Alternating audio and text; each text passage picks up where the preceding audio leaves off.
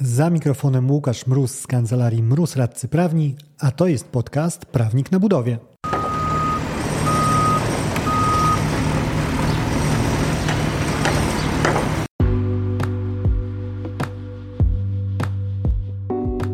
Prawnik na budowie. Podcast o wszystkim, co związane z budownictwem. Uwaga, może zawierać śladowe ilości prawa. Nazywam się Łukasz Mróz, jestem radcą prawnym i partnerem w kancelarii Mróz Radcy Prawni, w której na co dzień pomagamy firmom budowlanym sprawnie prowadzić projekty. Ten odcinek to kolejna edycja mikropodcastu, czyli krótkiego strzału na konkretny temat. Artykuł 439 PZP przewiduje, że jeżeli zawieramy kontrakt na okres dłuższy niż 12 miesięcy, powinna do niego trafić klauzula waloryzacyjna. Rzecz wydaje się prosta jak konstrukcja łopaty, jednak podobnie jak w przypadku łopaty, stosowanie jej w praktyce może nieść za sobą pewne wyzwania. I o tych wyzwaniach właśnie będziemy rozmawiali między innymi na webinarze w najbliższą środę 26 maja o godzinie 11. I o jakich wątpliwościach tam możemy porozmawiać? A chociażby zastanawiając się nad terminami związanymi z tą klauzulą, bo te 12 miesięcy niby proste, ale pomyśl, pomyślmy chociażby o tym, czy wydłużenie terminu realizacji ponad 12 miesięcy w przypadku umowy, która pierwotnie była zawarta na czas krótszy, wymaga jednoczesnego wprowadzenia aneksem klauzuli waloryzacyjnej, czyli ponieważ zmieniamy sobie umowę nagle w taki, taki właśnie kontrakt ponad 12-miesięczny, to czy zmieniamy ją również w umowę z obligatoryjną waloryzacją. Z jednej strony ustawodawca chciał, żeby przy dłuższych umowach wynagrodzenie było urealniane, no ale z drugiej zamawiający pewnie będzie się obawiał postawienia mu zarzutu, że gdyby rozwiązanie takie waloryzacyjne było przewidziane pierwotnie w projekcie umowy, to do przetargu zgłosiłaby się szersza, mm, szersza rzesza wykonawców zainteresowanych podjęciem się danego zadania. Rzecz kolejna, czy taka machina waloryzacyjna powinna zostać uruchomiona w przypadku popadnięcia przez wykonawcę w zwłokę przy realizacji zadania i doprowadzenia do tego, że przeciągnie go powyżej 12 miesięcy. No, wykonawca z oczywistych względów bardzo byłby zainteresowany takim rozwiązaniem, ale nie sposób nie zauważyć, że byłaby to de facto premia za jego niekompetencję i nieterminową realizację. W końcu do pakietu, żebyśmy mieli trójkę, tak jak na podium, czy na waloryzację może liczyć wykonawca, któremu zamawiający odmówił aneksu przedłużającego termin realizacji ponad 12 miesięcy, chociaż wystąpiły umowne podstawy do takiego kroku.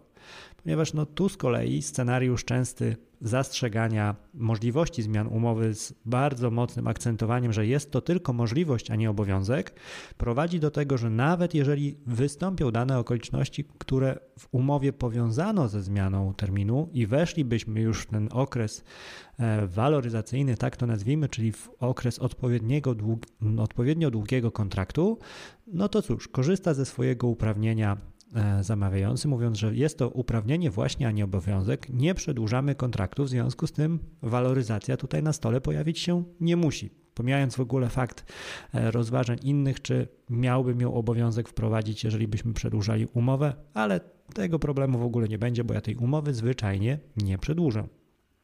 No i tak czysto praktycznie nie sposób nie zauważyć, że w ten sposób zamawiający mógłby jednostronnie podważać cel, no, który przyświecał w ogóle wprowadzeniu tych nowych przepisów.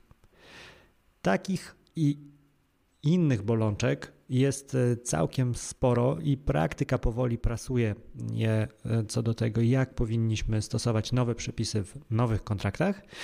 I tak jak mówiłem, porozmawiamy o tej praktyce na facebookowej stronie Prawnik na Budowie w środę o 11 26 maja. A ja będę miał również przyjemność rozmawiać o e, kwestiach waloryzacyjnych na evencie już nie przeze mnie organizowanym, adresowanym do zamawiających. Chodzi mi konkretnie o Ogólnopolskie Forum Administracji Dróg Publicznych. I szczerze mówiąc, kiedy dostałem na nie zaproszenie, to moją pierwszą reakcją było kategoryczne nie. Nie dlatego, że mam jakiś problem z administracją dróg publicznych, ale z tego prostego względu, że nie pracujemy z zamawiającymi publicznymi. Jeżeli chodzi o inwestycje rynku zamówień publicznych, działamy wyłącznie po stronie wykonawczej i nie bardzo poczuwam się e, stanąć tam jako osoba przed ludźmi, którzy na co dzień mają ogromną praktykę w prowadzeniu inwestycji ze strony zamawiającego i mówić im, jak mogą realizować swoje obowiązki. Ale doszedłem do wniosku, że tą wartością, którą wnieść mogę ze swojej strony, jest właśnie te spojrzenie wykonawcze, ponieważ zdarza mi się często rozmawiając e, z personelem zamawiających, chociażby kiedy wywiązują mi się w mediach społecznościowych jakieś dyskusje, e, że dopiero otwierają mi się oczy na to, jak nie działając po tej samej stronie, można być nieświadomym e, bólów określonych i przyczyn, dla których pewne kroki są podejmowane. I tak jak wykonawcy nie mają pełnego spektrum w perspektywę zamawiającego i e, nie, zna, nie mają jakby tej praktyki działania po tej stronie, w związku z tym nie łapią wszystkich niuansów, które mogą kierować krokami zamawiającego, tak też zamawiający najzwyczajniej w świecie mogą nie zdawać sobie sprawy z niektórych niuansów leżących po stronie wykonawcy.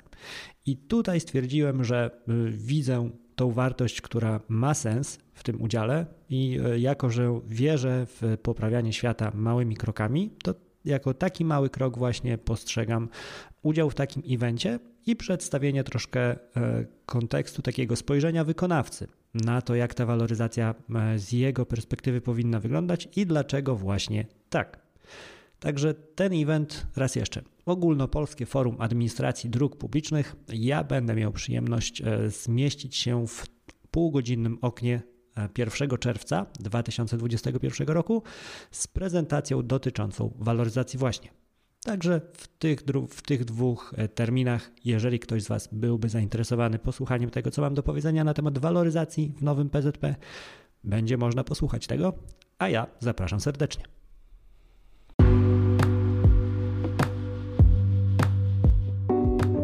To wszystko w tym odcinku. Dzięki za jego odsłuchanie. Przy okazji zapraszam Cię do śledzenia mnie w mediach społecznościowych. Na LinkedIn znajdziesz mnie wpisując w wyszukiwarce Łukasz Mróz. Na Facebooku natomiast i Instagramie jestem dostępny jako prawnik na budowie, czyli tak jak tytuł tego podcastu. W wersji bardziej klasycznej możesz do mnie napisać na mroz.kancelariamroz.pl. Do usłyszenia w kolejnym odcinku. Dzięki za odsłuchanie tego odcinka. Jeżeli chcesz się ze mną skontaktować, możesz napisać na biuro małpa kancelariamroz.pl albo zadzwonić na 577 665 077. Znajdziesz mnie też w mediach społecznościowych. Na LinkedIn jako Łukasz Mróz, a na TikToku, Facebooku i Instagramie jako Prawnik na Budowie.